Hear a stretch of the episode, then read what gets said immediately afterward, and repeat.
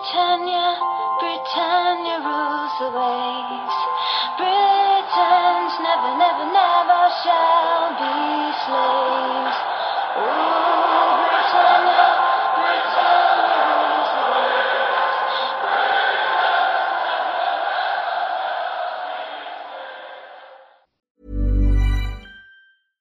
Sandra, and I'm just the professional your small business was looking for. But you didn't hire me because you didn't use LinkedIn jobs. LinkedIn has professionals you can't find anywhere else, including those who aren't actively looking for a new job but might be open to the perfect role, like me. In a given month, over 70% of LinkedIn users don't visit other leading job sites. So if you're not looking on LinkedIn, you'll miss out on great candidates like Sandra. Start hiring professionals like a professional. Post your free job on linkedin.com/people today.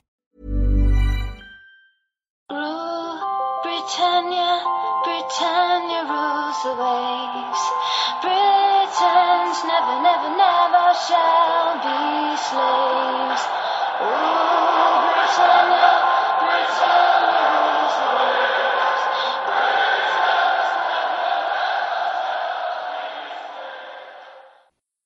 Hej och välkomna till Svenska FPL-podden. Vi har kommit fram till avsnitt 40 och ska nu prata inför Game Week 36. Vi spelar in tisdagen den 23 april och vi är alltså mitt i Game Week 35 då det är en dubbelvecka. Det spelas en del matcher ikväll och några imorgon innan vi kan se fram emot Game Week 36 som kickar igång fredag kväll. Agendan för det här som jag förväntar är ett lite kortare avsnitt är som följer. Vi kikar in i, i interntävlingen. Vi kollar på en ordentlig laggenomgång nu här inför slutspurten utav ligan. Poddlaget lite kort, även om vi är mitt i gameweekend så kan vi göra en liten snabb summering och sen så kommer vi med veckans rekommendationer då alltså inför Game Week 36. Och avslutningsvis så har vi några lyssnarfrågor som har kommit in. Man märker att det är mitt i en Game Week och eh, kommer inte riktigt lika mycket som det brukar men vi ska svara på de som har kommit in. Och eh, med det Stefan så tycker jag vi kollar lite på tävlingen som inte på något sätt är, är klar men du eh, konstaterade att det ser positivt ut ur, eh, din, eh, ur din synvinkel. Ja, det, det finns möjlighet att ta en 3-0 här. Eh, det ser bra ut på back, backsidan där Doherty har tagit 6 poäng och Eh, Catchart eh, har väl plockat in tre pinnar än så länge. De har släppt in mål här eh, tisdag kväll så att han måste göra mål om han ska gå om Doherty. På mittfältet är det jämnt, där är Sterling mot Jota, står 2-3 men båda har en match kvar och forwardskampen är avgjord där Aubameyang har tagit sju poäng och Wilson tog bara två. Så ja, den är väl i praktiken avgjord i alla fall. Ja, det stod ju 15-9 i tävlingen då, men det kan alltså bli 15-12 och då börjar vi få lite spänning här. Eh, se om jag ska falla på målsnöret. Jag känner mig eh, rätt nöjd med valen för den här veckan dock, så att eh, ja, vi får se. Eh, apropå det att Watford har släppt in mål, du sa något om det. Hur, hur lång tid tog det för Watford att släppa in mål här mot Southampton tisdagskvällen? Ja, det var ju Premier Leagues snabbaste mål. Det tog sex sekunder. Det var dessutom Watford som hade avspark och eh, det var Catchart som tappade bollen till Long som eh, drog in den efter ja, sex sekunder. Ja, det är fantastiskt. Ja, ja. Eh, vi får se om mitt försvarsval blir bättre den här veckan. Eh, jag har ju förtur på försvarssidan och eh, jag vänder mig mot Liverpool som möter Huddersfield. Och eh, då vi inte får välja någon med ägarandel över 30% faller ju både Robertson och van Dijk bort. Så att mitt val blir Trent Alexander-Arnold. Ja, det, det är riktigt jobbigt eh, att de båda de faller bort. Eh, och jag känner mig inte riktigt säker på att plocka en, en, en, deras fjärde medlem i, i backlinjen då, då den känns rätt osäker. Så jag får gå någon annanstans och eh, det får bli ett lite osäkert val i Trippier igen. Eh, hoppas han inte gör mig besviken denna gång eh, också. Nej, Trippier vilades ju i första matchen i Game Week 35 men han spelar nu ikväll. Så uh, han har fått lite vila i alla fall men det är ju Champions League som, som hägrar där som kanske kan ställa till det. Vi kommer prata mer om det i matchgenomgången. Uh, mittfältskampen då, Stefan, här har du förtur. Yes, och eh, jag går på Son. Okej, det var en spelare som jag inte ens hade med i mina diskussioner. Jag hade två namn här. Eh, mm, jag kommer välja att gå på det som känns som det är lite... Nej, jag går på Hazard. De möter United på Old Trafford. Mm. Eh, kan tyckas lite märkligt men jag tycker United ser extremt svaga ut. Jag övervägde att gå på Sterling istället men eh, jag går på Hazard ändå och hoppas att Uniteds försvarsspel fortsätter haverera. Ja, Hazard var en spelare som jag också funderade på. Det som vägde över för mig i Son var att eh, han kommer vara avstängd i första eh, Champions League-semin här. Så att, eh, och Pochettino har sagt att det kommer betyda att han spelar mer i Premier League. Och därav känner jag mig att mitt i veckan här att det känns rätt skönt att ha den bekräftelsen i alla fall. Ja, väl scoutat. Eh, anfallssidan då? Här har jag också två val som jag står lite emellan. Eh, jag har ju en känsla, frågan om jag ska gå på känsla eller förnuft. Um, nej, men jag går på känsla. Jag säger Jamie Vardy. Ja, då tar jag Firmino. Ja, det var, det var de där valet stod mellan. Om du hade haft första val, vilken hade du gått på? Ja, jag tror jag hade tagit Vardy också faktiskt. Ja. Eh, eh, jag tror verkligen att uh, han kommer göra mål mot Arsenal. Det känns som han passar mot Arsenal på något sätt. Ja, nej det känns inte alls, uh, alls bra. Det som kanske kan vara bra för Arsenal är att Sokratis är tillbaka från avstängning. Det behövs verkligen. Mm. Yes, med det så var vi klara med interntävlingen och eh, skulle det vara så att du tar en 3-0 den här gameweeken som det ser ut som att det finns hyfsade chanser för. Det är väl Jota som ska trumfa Sterling i och för sig. Eh, och sen så en 3-0 även Gameweek 36, då är vi lika. Då är vi på 15 lika. Ja, det, står, det är väl tvärtom. Sterling ska trumfa Jota. Jag och Sterling. Ja, det stämmer bra. Eh, mm. Så är det. Och då är det ju faktiskt, ja men då ser det ju riktigt fint ut för din del. Ja, det, det blir, förhoppningsvis blir det lite spänning här på slutet i alla fall. Ja, man försöker ju bjuda till här så att eh, det blir lite match av det. Eh, vi hoppar in i laggenomgången och jag tänkte starta direkt med att prata lite Manchester City. Eh, nu när City är utslagna ur Champions League så lär vi se mindre rotation och eh, fullt fokus i ligan. Eh, då dessutom FA-cupen som är kvar i den finalen där, den spelas efter den sista omgången i Premier League. Trots detta att vi borde se mindre rotation så fick unge Foden chansen mot Spurs i ligan och han tog vara på den och eh, gjorde matchens enda mål efter framspelning av Agüero. Eh, spelare som är intressanta nu, som borde få mycket speltid framöver, är ju såklart Sterling och Agüero i första hand. Eh, men även Bernardo Silva tycker jag kan vara värd att kika mot. Eh, Kevin De Bruyne hade kunnat vara, vara av intresse, men han klev ju av skadad som så många gånger förr. Och eh, jag vet inte, vi inväntar väl lite vidare besked, men jag hörde lite rykten om att det kan vara att han är borta nu eh, resten av säsongen. Jag vet inte om du har hört något mer där, Stefan? Eh, nej, ingen, ingen riktig uppdatering, men eh, så utan. Men det är ju inte så många veckor kvar på säsongen så uh, det är väl troligt att han kanske blir borta resten. Ja, han, han, var i alla fall väldigt frustrerad när, när han var tvungen att kliva av skadad återigen. Eh, om vi kollar vidare då i City och kanske le, mer i de bakre leden så är det ju Laporte och Ederson nog de som är mest intressanta. Laporte gjorde ju inte en succéinsats i Champions League-uttåget mot Spurs men eh, Samtidigt så eh, såg vi här att han fick förtroende direkt i eh, Premier League-mötet. Och eh, jag tror ändå att Laportes plats, plats är ganska säkrad. Eh, Ederson stod för en riktigt fin eh, insats här mot, mot Spurs. Så att, eh, ja, det är ju ett säkert kort och där finns det ju i stort sett noll rotationsrisk skulle jag säga. Eh, om vi pratar då matchen mot Spurs och jag förtydligar återigen i ligan eh, där City vann med 1-0, så var Sterling inte alls lika dominant eh, som han har varit tidigare. Men eh, han kanske borde gjort mål i andra halvlek när han blir nekad av en jätteräddning.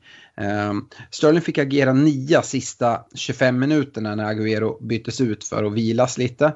Och eh, kollar vi på Citys kvarvarande spelschema om vi bortser från Game Week 35 här där de möter United imorgon så har de eh, Burnley borta, Leicester hemma och Brighton borta nu sista tre Game Weeks. Yes, eh, jag fortsätter med, med titelkonkurrenten Liverpool då. Eh, de tar ju en planenlig seger mot Cardiff, eh, 2-0 på bortaplan. Kanske inte skapar jättemycket chanser men det räcker ju och den är väl rätt säker ändå till slut när man summerar matchen. Jag skulle säga att de har bra chans att gå rent. De ska möta Huddersfield på hemmaplan, Newcastle borta och Wolves hemma. Eh, det som skulle kunna störa är ju att eh, de är kvar i Champions League och ska möta Barcelona två matcher eh, som infaller efter Huddersfield-matchen och sen kommer då Newcastle-matchen och sen möter de Barcelona igen. Så det blir ett späckat schema för dem med mycket matcher men ah, jag, ser, jag tror ändå att de har en bra chans i ligan skulle jag säga. Det finns ju Eh, de bästa fantasy-alternativen skulle jag säga är de tre backarna i eh, Trent, Robertson och van Dijk. Eh, där Trent trumfar just nu med sitt billiga pris. Sen har vi Salah och Mané och Firmino. Det är de enda tre, eller de enda fram, framåt jag skulle blicka mot i alla fall. Men, men mycket större rotationsrisk än Manchester City här. Så till exempel går de 2-0 upp mot Huddersfield, då tror jag att de slår av på takten även om matchen är fem dagar före första Barcelona-semin.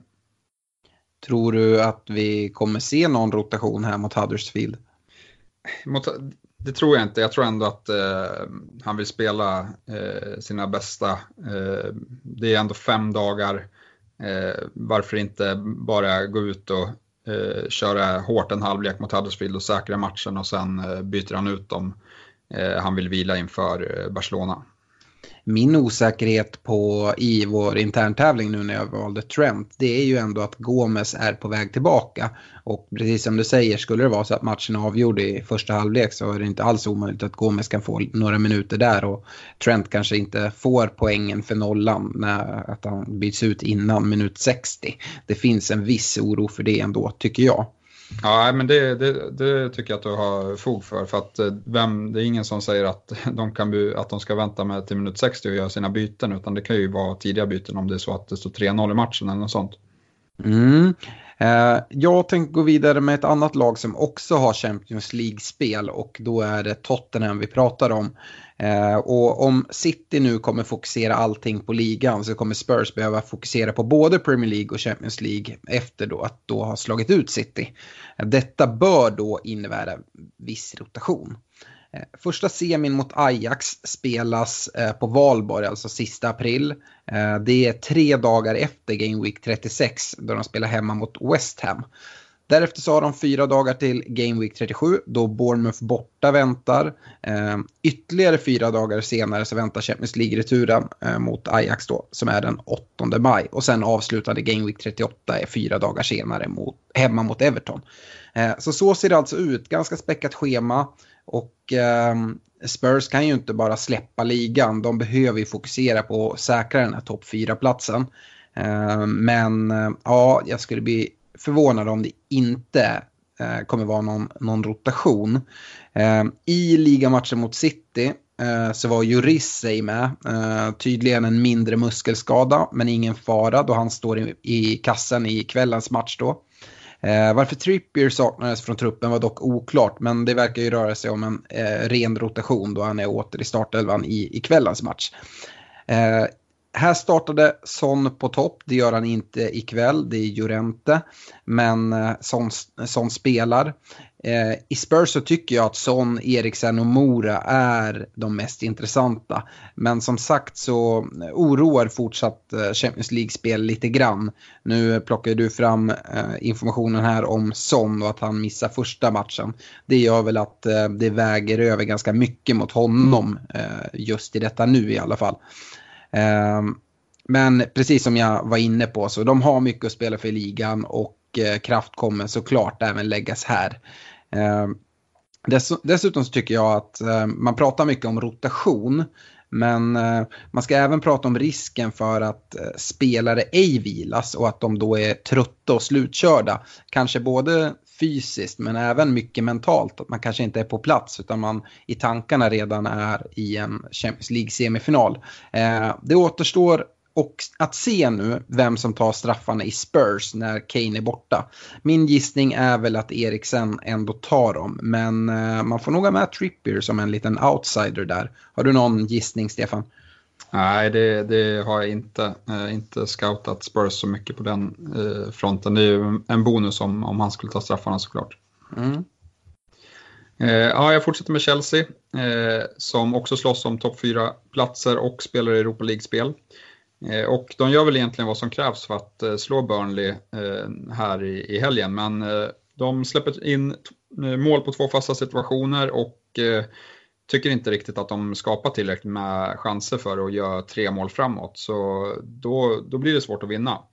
Eh, nu ska de möta Manchester United på bortaplan. Eh, det är såklart en svår match, men utav de två lagen så tycker jag väl ändå Chelsea är i, i bättre form. Eh, men det är aldrig lätt att åka till Old Trafford och, och försöka vinna där. Eh, sen väntar Watford hemma och Leicester borta. Och eh, om man kollar på spelschemat som helhet så känns väl det ändå rätt svårt med tanke på att de även ska spela Europa League eh, semifinal eh, där mittemellan. Eh, jag vet inte, jag tycker att eh, Chelsea känns lite riskabelt just på grund av eh, mycket matcher och inte några jättelätta matcher heller. Men Hazard fortsätter att se bra ut och jag tycker även att Loftus Cheek på mitten ser bra ut. Dock så är väl han en väldigt hög rotationsrisk på nu när det blir så mycket matcher. Mm. Tror du att Hazard känns ju som den, liksom, vad ska man säga, diamanten i i, i eh, Sarris bygge. Tror du att det finns någon risk att Sarri vilar honom eller är de så pass beroende så att han kommer starta eh, vecka efter vecka? Det, det, är svårt att säga om, men, men eh, de måste ju också ha poäng i ligan. Eh, utan Champions League då vet de väl mer eller mindre att Hazard eh, kommer försöka söka sig därifrån. Eh, så eh, ja, det, det är ett tufft läge för, för honom såklart. Eh, men eh, nej, han behövs i alla matcher. Så antingen så får han hoppa in eller så spelar han från start. Yes. Jag ska gå vidare med ett lag som jag helst inte skulle vilja prata om. Uh, det är Manchester United. Eh, de skämde ut sig fullständigt i 4-0 förlusten mot Everton. Och eh, i ärlighetens namn så var det närmare 5-0 eller 6-0 än att United skulle göra något mål. Eh, sen så tror jag väl kanske, jag tror många Liverpool-supportrar blev rätt besvikna. De hade hoppats på att, de ska, att United ska göra en ordentlig match mot City. Eh, som det ser ut nu så känns det väl rätt hopplöst i den matchen. Men samtidigt så är det ett derby, det är en helt ny match. Det, man, om man ska prata i positiva termer så kan det vara så att de hade den matchen eh, i tankarna. Jag är dock lite tveksam till det. Men som sagt, det är en ny match mot City. Vi får se vad som händer där. Eh, många har säkert en plan på att plocka in en eller annan United-spelare här till avslutande Game Week 37-38 då Huddersfield borta och Cardiff hemma väntar. Men just nu med det här spelet de visar upp mot Everton som var riktigt bedrövligt så skulle jag säga att man nog bara ska avvakta och se om det ens är värt med det trots motståndet som ser fint ut. Eh, glädjande är i alla fall att eh, Luke Shaw är tillbaka från avstängning nu och att viktiga Herrera är tillbaka i träning. Eh, jag ser personligen Ander Herrera som den spelare som har imponerat allra mest sedan Solskjaer tog över och han är väldigt betydande i Uniteds spel, inte minst för Pogba. Eh, som du var inne på så väntar Chelsea hemma på Old Trafford nu i Game Week 36 eh, innan de här aptitliga matcherna i 37 och 8 och 38 kommer. Men som sagt, eh, om eh, spelet ser ut som mot Everton här i eh, matchen mot City och mot Chelsea så vet inte jag om jag lockas jättemycket att kolla mot United. Vi får helt enkelt se hur det ser ut. Ja, det finns fler lag som man inte vill prata om och eh, jag ska prata om ett nu som är Arsenal. Och jag vet inte riktigt var man ska börja men Eh, Eh, vi kan väl säga så mycket som att Europa League-spelet får ju tydliga konsekvenser här på ligaformen eh, då Emery anser att truppspelarna ska in och avlasta eh, de ordinarie när matcherna duggar tätt. Och att starta en Premier League-match med Mavropanos, Jenkinson och Elneny, det innebär ju såklart stora risker. och lägg där till en Mustafi som i vanlig ordning gör minst ett grovt misstag när han spelar och och sen skyller på sina medspelare när han har gjort det. Eh, så ja, man kan väl sammanfatta det som så att eh, jag tycker både försvaret och mittfältet är helt, det kan man glömma bort ur fantasyperspektiv i Arsenal och istället så finns det lite hopp för anfallet men jag tvekar lite även där. Man ska möta Leicester borta, Brighton hemma och Burnley borta. Utan anfallarna så tycker jag väl ändå Lacazette ser ut att vara i bättre form än Aubameyang. Ja, Arsenals bortaform har vi ju varit inne på jättemycket, men nu, jag väntar mig i alla fall inte en sån här insats hemma på Emirates som det blev mot Pallas. Eh, kan det vara någonting som eh, fortsätter och att hemmaspelet börjar hacka också, eller är det bara en engångsföreteelse? Har du någon, kan du sia någonting i det? Ja, jag vet ju, jag skrev till dig efter matchen, men jag, jag satt i Uppsala med lite fotbollspolare och, och eh, kommenterat hur fan kan man starta med tre så pass eh, orutinerade spelare i en, i en Premier League-match. Jag var orolig när jag såg startuppställningen och eh, eh jag tror att det blev lite för, lite för väl naiv laguttagning här och försökte vila för många spelare. Eh, det tror jag väl är främsta anledningen. Och sen såklart rätt Mustafis misstag är väldigt grovt när han släpper eh, förbi Zaha eh, på en lång boll eh, precis när vi har eh, fått in 1-1 och fått vittring och ligger på för att göra fler mål eh, mot ett eh, Crystal Palace som visst gör det bra men, men det är inte så att de eh, såg oslagbara ut i den här matchen, absolut inte. Utan nej, lite för mycket rotation tror jag eh, och eh, jag tror att förhoppningsvis att han har lärt sig en läxa att eh, han inte roterar lika mycket mot eh, Brighton sen. Nej. Eh, om Arsenal United är lag som man gärna undviker att prata om, speciellt om man supportar dem, så eh, är nog Everton-fansen riktigt eh, glada i hatten.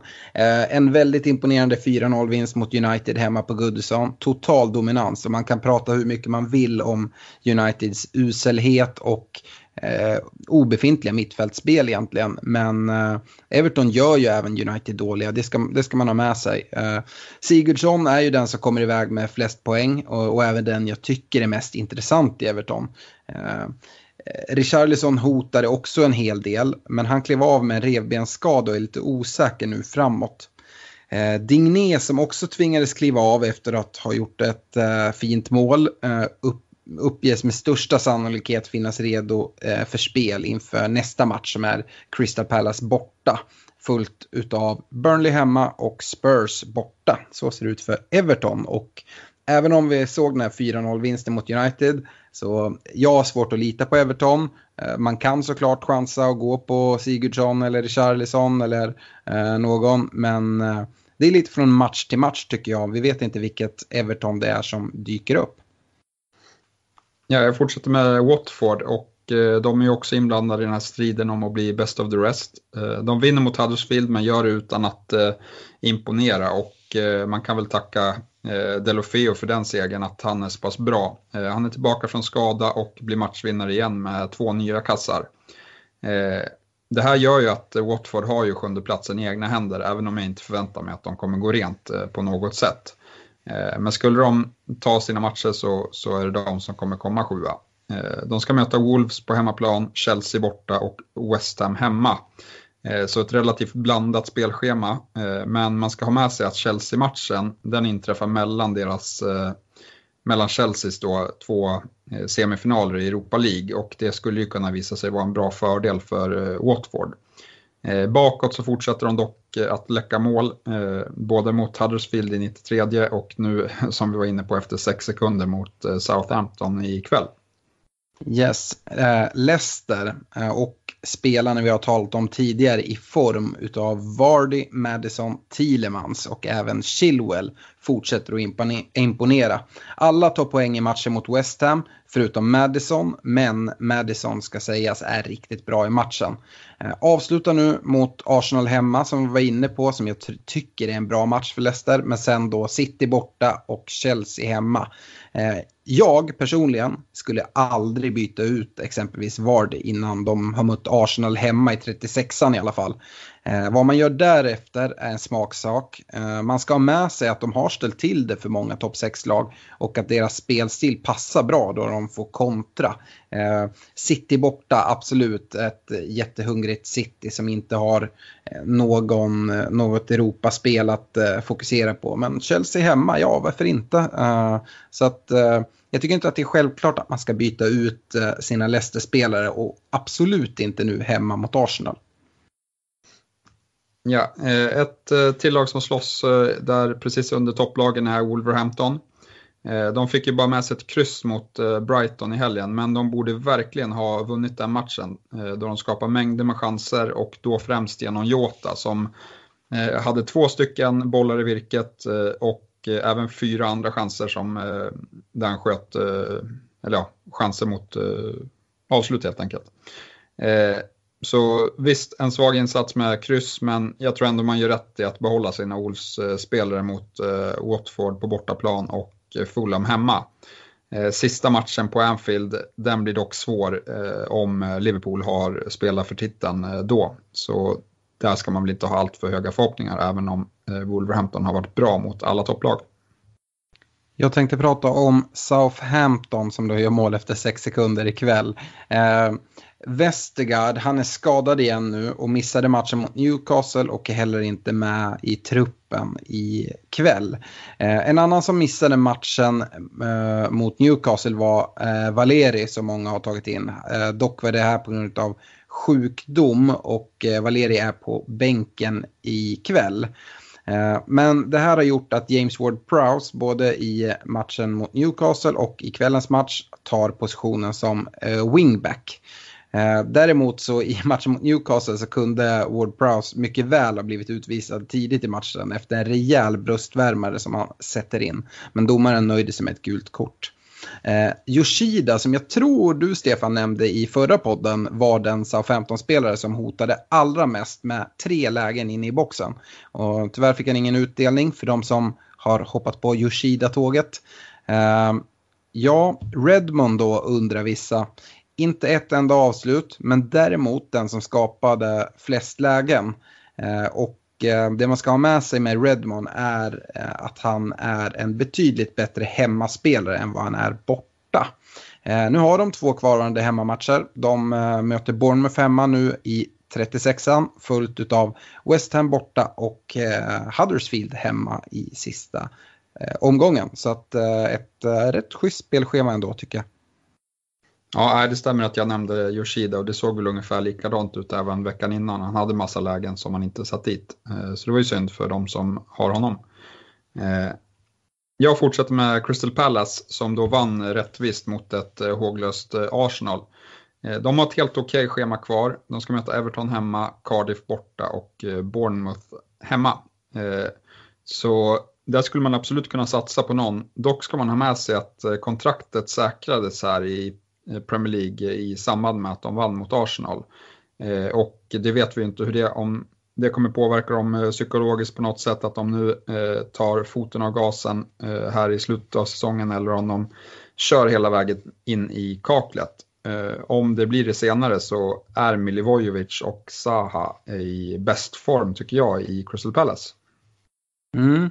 Kort om West Ham. Arnautovic tillbaka från sjukdom, men han uträttar inte mycket. Eh, till och från bjuder West Ham på riktigt fint spel, men eh, de blandar även upp det med lite slarvigare spel i defensiven som de har gjort mer eller mindre hela säsongen. Eh, sista tre matcherna, Spurs borta, Southampton hemma, Watford borta. Och jag tycker det finns spelare i andra lag som är mer intressanta helt enkelt. Yes, vi fortsätter med Brighton. Eh, de skulle ta ett stort steg eh, mot ett nytt kontrakt om de vinner mot Newcastle i omgång 36 och därför räknar jag med att de kommer vara taggade till 1000 här. Eh, och har säkert en bra chans att hålla en, en nolla på, på förhand. Eh, efter den matchen dock, då skulle jag eh, se till att göra mig av med Brighton-spelare då de ska möta Arsenal borta och City hemma eh, de två avslutande omgångarna. Så där kan man nog räkna med relativt skral utdelning. Är du med nu Stefan? Nu ska vi prata Bournemouth. Har jag sagt det förut? Jag får inget jävla grepp om Bournemouth. Hur kan de förlora hemma mot Fulham? Eh, ja, bästa offensiva Bournemouth-spelare var väl ändå Fraser som kom till en hel del farligheter. Normalt sett hemmastarka Bournemouth som vi brukar säga har nu på sina senaste fem hemmamatcher förlorat tre och kryssat två. Eh, sist de spelade eh, borta vann de med 5-0 mot Brighton. Eh, och vi får se om det var en ren tillfällighet eller om allt nu har vänt på ända så att de nu är att räkna med på bortaplan snarare än hemma. Avslutande tre är borta Southampton, Spurs hemma och Crystal Palace borta i alla fall. Yes, nej, de är svåra att få grepp om. Eh, men de hade väl en hel del chanser i den där matchen mot Fulham i alla fall. Eh, jag fortsätter med Cardiff. Eh, slåss ju för sitt fortsatta öde i Premier League. Måste ta några segrar här på slutet. Eh, och eh, de som skulle kunna bidra till det är väl Camarassa eh, på mitten, Morrison i backlinjen och Edrich i kassen. Men jag skulle säga att det är för de som vill chansa, det är nog smartast att undvika. De har två helt okej okay matcher på pappret, men sen ska de åka till Old Trafford i den avslutande omgången och där kan det bli svårt. Ja, och om Bournemouth nu som jag pratade om senast är svåra att få grepp om, vad är då Fulham? Eh, jag ska upprepa mig från förra veckan. Nio raka förluster och när de väl är matematiskt ute ur Premier League så håller de helt plötsligt nollan mot Everton och vinner med 2-0. Nu Andra raka nollan och vinner borta mot ett normalt hemmastarkt Bournemouth. Det här var för övrigt Fulhams första bortavinst i Premier League denna säsong. Eh, du pratade tidigare, precis när Scott eh, Parker hade tagit över Fulham och pratade om någon eh, Parker-effekt. Nu tror jag verkligen vi kan se någon sån. Eh, jag vet inte om det här bara betyder att Fulham-spelarna kan spela utan press eller vad det är, men uh, ja, någonting har hänt i alla fall. Jag tycker, precis som du nämner, Bournemouth kom till en del lägen, men Fulham är också flera andra bra lägen utöver målet som de gör. Uh, det är ju vår gamle favorit Mitrovic som gör matchens enda mål nu senast på straff, som han dessutom själv då fixade avslutande tre matcher för Fulham om man är beredd att hoppa på det tåget som nu är något segertåg och de håller nollor bakåt. Men ja, jag vet inte. Eh, de har Cardiff hemma nu. Eh, sen är det Wolves borta och Newcastle hemma. Så helt okej okay matcher. Men jag är i alla fall inte så modig att hoppa på Fulham. Ja, eh, jag kommer ta ett lag som eh, eh, i Burnley som har ett väldigt dåligt kvarvarande spelschema.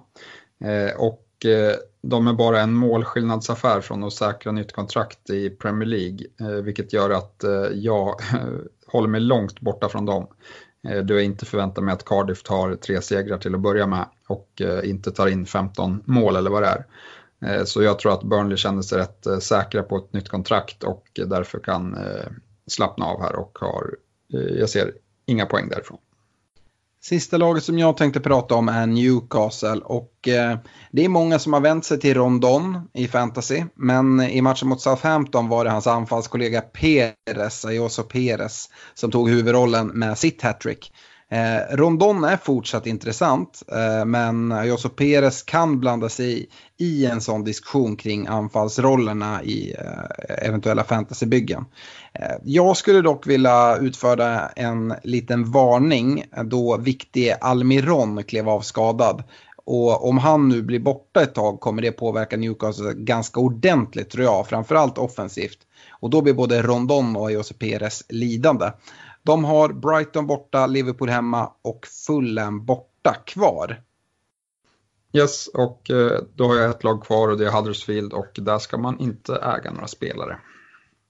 Nej, de är snabba att gå igenom. De har varit det ett tag nu. Eh, det var laggenomgången och eh, om vi ska gå igenom ett annat lag så kan vi kika in i poddlaget. Jag tänker att inte kollar in i poddligan eftersom vi är mitt uppe i en game week så blir det lite svårt att se hur det står till. Men eh, poddlaget har i alla fall 42 pinnar inför eh, kvällen och eh, onsdagens matcher imorgon. Eh, averaget ligger på 39 poäng. Eh, vi har sex spelare kvar med matcher, eh, varav kapten Sterling är en av dem. Ehm, ja, Stefan, vad, vad säger du om poddlaget? Hur är allmänna känslan? Nej, det är ju lite, lite jobbigt nu. Nu får vi se om, om eh, Brighton som inte heller är helt lätta att greppa då, eh, då de, eh, när de hade dubbla hemmamatcher och såg fint ut, tog en poäng per spelare. Eh, och eh, nu direkt följde upp det med en nolla och eh, de håller faktiskt eh, Spurs, eh, de håller nollan mot Spurs i halvtid här också så Eh, dubbla nollor skulle ju vara helt eh, sjukt från deras sida eh, då vi snabbt satte alla på bänken och vi beslutade även att byta ut Ryan i kassen. Vilket visade sig kostsamt då vi länge, länge funderade på att byta ut Duffy istället och ha kvar Ryan. Så gick vi på en annan väg igen och missar en del poäng. Men man ska väl inte hänga läpp för det. Eh, vi ligger trots allt eh, kvar topp 10 000 och det kommer vi nog göra även efter den här veckan och då har vi tre avslutande omgångar att jobba på och försöka ta en så bra placering som möjligt. Mm, jag har inte så mycket att tillägga där. Eh, så jag tycker vi bara hoppar vidare och kollar på eh, rekommendationerna. Vi kom ju efter mycket om och men med rekommendationer i förra poddens avsnitt. Nu vet vi inte riktigt eh, hur det har gått men vi kan eh, ändå följa upp. Vi vet ju en del. Eh, på backsidan vet vi till exempel, Liverpool har ju ingen mer match. Där rekade ju både du och jag Liverpool-försvarare. Jag i Robertson, du i Trent. Du drog vinstlotten. Robertson fick ju för nollan och sex pinnar men Trent slog ju till med elva pinnar. Ja, nej, det blev riktigt bra och jag önskar att jag hade bytt in honom privat också, eh, tagit minus för att få in Trent. Eh, de känns eh, stabila men det finns ju som sagt ett litet rotationshot kanske framförallt eh, för Trent. Då. Mm. Har du någon, eh, är det en Liverpool-försvarare du reker även denna vecka nu när de har eh, Huddersfield hemma? Nej, jag har valt Laporte då det här att de åkte ut Champions League påverkar mig väldigt mycket den här veckan i mina rekommendationer. Jag eh, går all in på Manchester City eh, då jag ser dem som eh, kapabla att ta hem Premier League här eh, och eh, där man inte behöver oroa sig alls lika mycket nu för eh, rotation då de inte spelar lika tätt. Nej, eh, jag går nog all in på Liverpool och jag tänker fortsätta stanna vid Robertson. Jag vet att han är dyrare än Trent men har man råd tycker jag att han eh, erbjuder Eh, mer värde i form av eh, risken för rotation är mindre. Jag gillar att Trent tar eh, de fasta situationerna i Liverpool och jag i mitt privata lag har gått på att bara dubbla upp på Trent och Robertson. Eh, men ska jag välja en så tycker jag Robertson är det bättre valet. Mittfältssidan, där har vi ju inte riktigt svaret. Eh, jag rekade Jota, eh, tog tre pinnar i första matchen och oklart vad han kommer fylla på med imorgon mot eh, Arsenal. Jag hoppas det blir en hel del interntävlingen i tanke. Du rekade Son som har två poäng och lite osäkert om han kommer iväg med några poäng i, i kvällens match. Ja, Uh, nej, det blev ingen, ingen jätteutdelning. Vi får se vad han gör, om han gör något vettigt ikväll här. Men jag ser väl han som ett bra alternativ. Uh, på grund av, uh, även fortsatt på grund av att han är avstängd i första CL-semin och det borde räcka uh, vilomässigt för hans del resten av säsongen tror jag. Men mm. som sagt, den här veckan så har jag valt Sterling i, från Manchester City. och ja, återigen, ingen rotationsrisk riktigt kanske liten, liten rotationsrisk i omgång 36 då de eh, har ett Manchester-derby som spelas imorgon. Mm. Eh, jag har ju sagt all in Liverpool och då går vi på spelets dyraste spelare i form av Salah. Eh, det är Huddersfield hemma. Jag vet att det finns viss eh, oro för rotation. Eh, att ett lag som Huddersfield borde de klara av att sopa undan. Eh, men jag är nog inne på ditt spår också. Jag tror att bästa lag startar för att byta ut dem tidigt istället. Och eh, startar Salah så finns det väl goda förhoppningar om poäng. Ja, nej, det, den stödjer jag den rekommendationen. Eh, Forwardsidan så var vi överens förra veckan om att Jiménez var ett bra val. Det blev ju bara två pinnar i första matchen och mot Arsenal får vi helt enkelt se.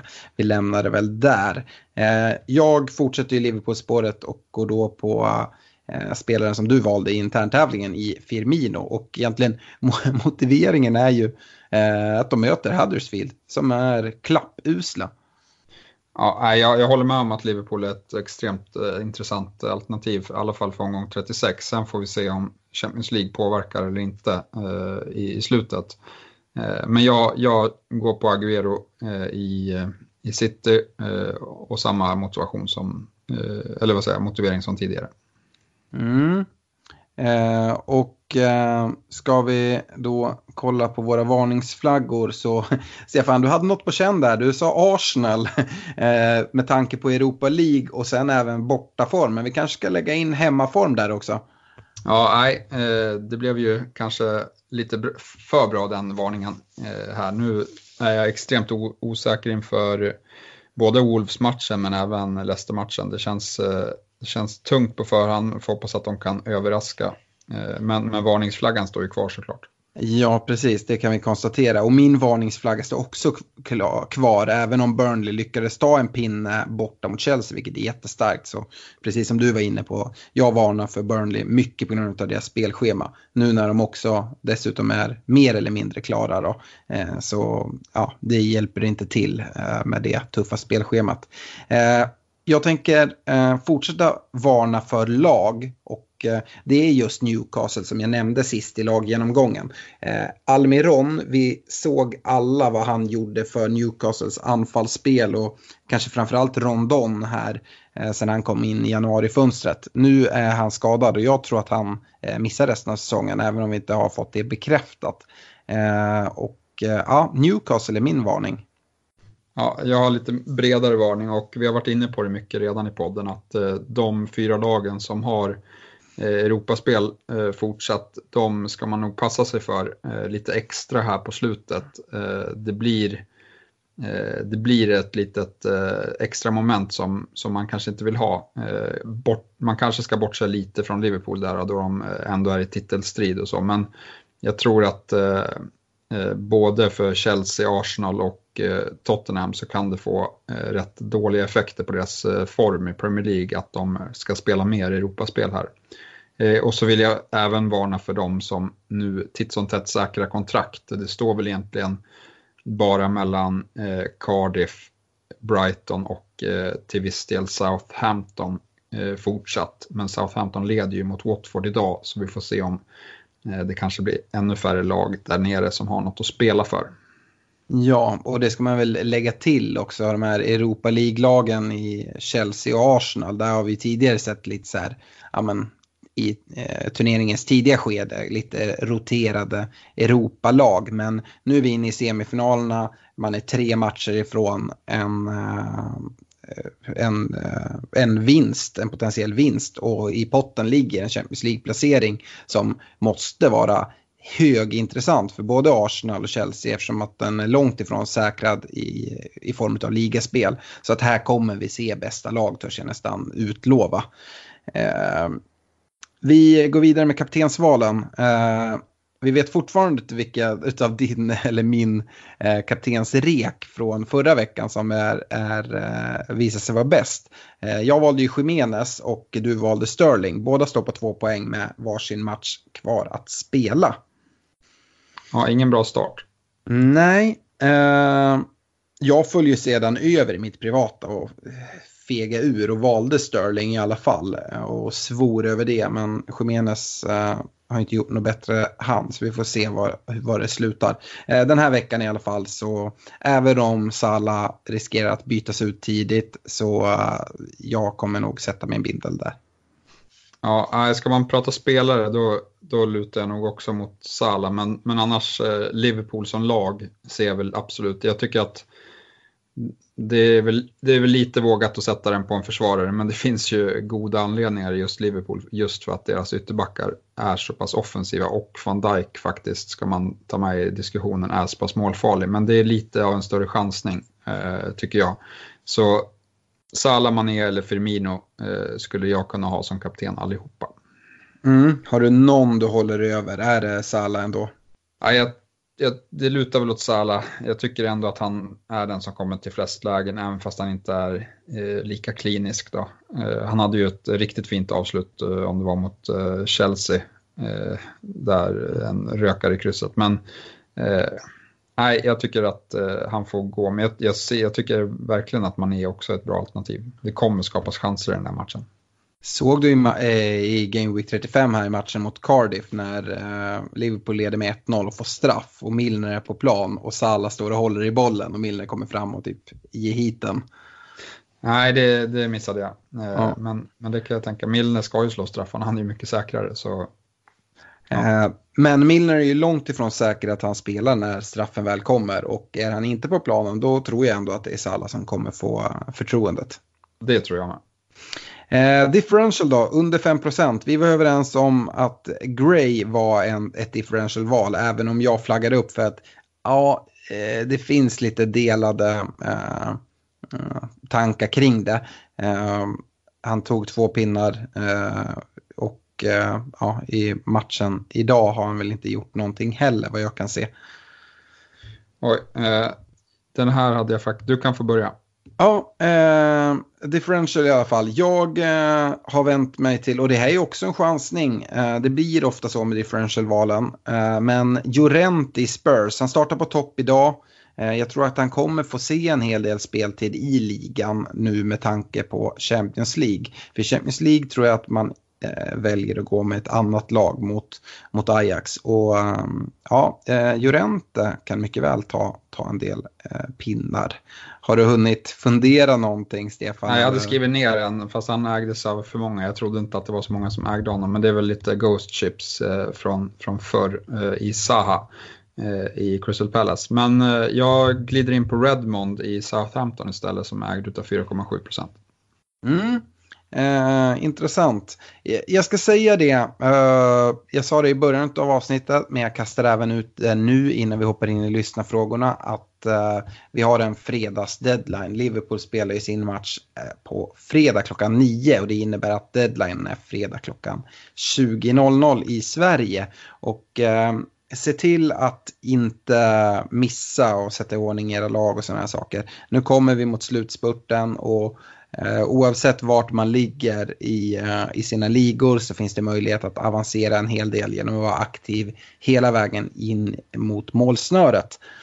Vi eh, har uh, lyssnarfrågor. Vi kan börja med John Zackrisson som skriver så här. Satsa på Southampton eller Pallas back inför avslutningen. ja, det skulle väl... Jag jag skulle ändå säga att eh, jag litar mer på Palace än, än Southampton. Men båda har eh, rätt fina matcher här. Så ja, jag lutar lite mer åt Crystal Palace, men jag förstår absolut tanken med Southampton. Och eh, om vi pratar respektive lag, eh, vi har varit inne på van Anholt tidigare, är han eh, Pallas-backen man ska vända sig till eller är det den billiga van Bissaka? Han missade, Fran Anholt missade ju matchen här senast, jag vet inte varför. Eh, jag har inte hittat någon information på det. Eh, så det är lite oklart. Eh, men då får man väl välja, i ett sånt läge får man väl välja van Bissaka därifrån. I Southampton så tycker jag att man ska gå på Yoshida som verkar vara i, sugen på att göra ett mål här på slutet av säsongen. Mm, absolut. Uh, Van Anholt eh, satt ju med på bänken men blev inte inbytt mot Arsenal ska man ha med sig. Så det var inte att han var utanför matchtruppen i alla fall. Eh, om vi går vidare då och eh, tar en fråga från Fredrik Ankarås. Eh, han skriver så här. Tjena! Eh, Pool möter Huddersfield nästa omgång. Borde jag byta in Sala mot Delofeo? Eh, och byta ut Robertson mot Bednarek för att satsa mer på Liverpools offensiv? Eller borde jag byta om Sterling mot Delofeo och Jorente mot Rondon istället? Är rädd för att Klopp ska vila Salah mot Huddersfield. Ja, jag tror att eh, Salah är en bra kapten som vi har varit inne på här i podden. Så om han har råd med de bytena som Delofeo till Salah, vilket krävs en del pengar, mycket mer än att byta ner Robertson till Bednarek så, så tycker jag väl att eh, det kan vara ett eh, väldigt fint alternativ om man vill ha en bra kapten. även om det innebär fyra minus, nu vet vi inte om eh, Fredrik har något sparat byte eller sådär. Jag tänker Delofeo, byta ut honom nu med den form han visar känns ju lite risky ändå. Ja, nej, det kanske, det kanske men, men som sagt, man litar ju ändå mer på topplagen. Men eh, om, det är, om man, det är den spelaren som man tycker är hans eh, svaga kort där, för det är han som involveras i båda, eh, eller i det bytet, så, mm. så kanske man skulle gå på det. det. Och det handlar väl mycket om kaptensdiskussion här. Om man tror att Liverpool vinner klart mot Huddersfield, vi vet att många kommer ha kaptensbindeln där och jag vet inte vilket läge han ligger i, i sin liga. Om man känner att han vill försvara lite mer då ska man ju ha en, en Salah som kapten kanske. Eller en Mané. I ett sånt här läge skulle man ju även kunna kasta ut det du var inne på, även om det är en lite mer chansning att han säger ju att han har Robertson i laget och om man inte har Salah så skulle han kunna sätta kaptensbinden på Robertson. Det är ju inte, det är inte helt galet att sätta binden där. Nej, han har väl tagit, Robertson har ju tagit mer poäng än alla forwards i spelet tror jag. Eh, mm. Så det, han är en bra spelare och, och över, över tid i alla fall. Eh, men som sagt, eh, om man inte jag vet inte om han sitter med tre Liverpool-spelare redan och det är därför han måste byta ut Robertson. Men en annan idé är att byta in Mané istället för Salah eh, och eh, kanske på det sättet behålla Robertson. Ja, eh, just just Fredrik eh, eh har, har jag lite, lite extra koll på. Eh, han är med i en, en annan liga som, som eh, vi är med i, både du och jag. Eh, och han leder den ligan just nu och jag ligger tvåa. Så att eh, ja, eh, en shout-out till Fredrik där. och eh, jag säger det att jag kommer jaga dig. Robert Jonsson då, sista frågan innan vi stänger ner det här lite kortare avsnittet. Eh, han, han sitter helt utan Liverpool-spelare. Eh, och så skriver han så här, vad tycker ni om att byta ut Hazard och sätta in Mané? Övriga mittfältare jag har är Son, Eriksen, Jota och Sterling. Ja, byta ut Hazard, eh, det, det, kan gå illa. För han är i fin form och som sagt, han kan nog göra något mot United och sen har han Watford hemma, ja, jag vet inte. Ja. Men eh, som sagt, det är klart, skulle jag ranka Hazard mot Mané så skulle jag ranka Mané högre just nu. Ja, och sitta helt utan Liverpool-spelare nu. Ja, eh, jag skulle kanske kolla mot min backlinje eh, eftersom vi gillar de här försvararna väldigt mycket. Se om man kan trycka in Trent och eller Robertson kanske. Eh, det kan ju också vara ett alternativ. Att gå helt utan Liverpool är ju, ja, det är att sticka ut kan vi lugnt säga i alla fall. Eh, jag antar att eh, Robert har kört en, eh, ett wildcard med en benchboost nu då han ville ha bara spelare med dubbelveckor. Annars kan jag inte se varför man sitter utan Liverpool-spelare. Men jag det är inte bara i matchen mot Huddersfield. Jag skulle inte vilja sitta utan Liverpool-spelare resten av säsongen, även om vi har Champions League att ta med i beräkning. Eh, Liverpool har så mycket att spela för och eh, ja, eh, ta in en Liverpool-spelare helt enkelt skulle jag säga, oavsett vem det är som eh, du ska ta in. Eh, ja, med det så tycker jag vi avslutar dagens podd och tack för att ni lyssnar. Eh, hjälp oss jättegärna att sprida podden. Eh, precis som vi har sagt tidigare så siktar vi på att eh, fortsätta podden även under nästa säsong och vi hoppas på att fortsätta växa och bli ännu större. Så eh, säg till alla polarna som ni vet spelar och även de som är Premier League-intresserade och inte spelar att det är dags att börja lira nu och eh, gilla vår Facebook-sida och börja lyssna på podden. Eh, ha det bra allihopa och eh, lycka till nu avslutande matcherna i Game Week 35. Ja, ha det bra och lycka till.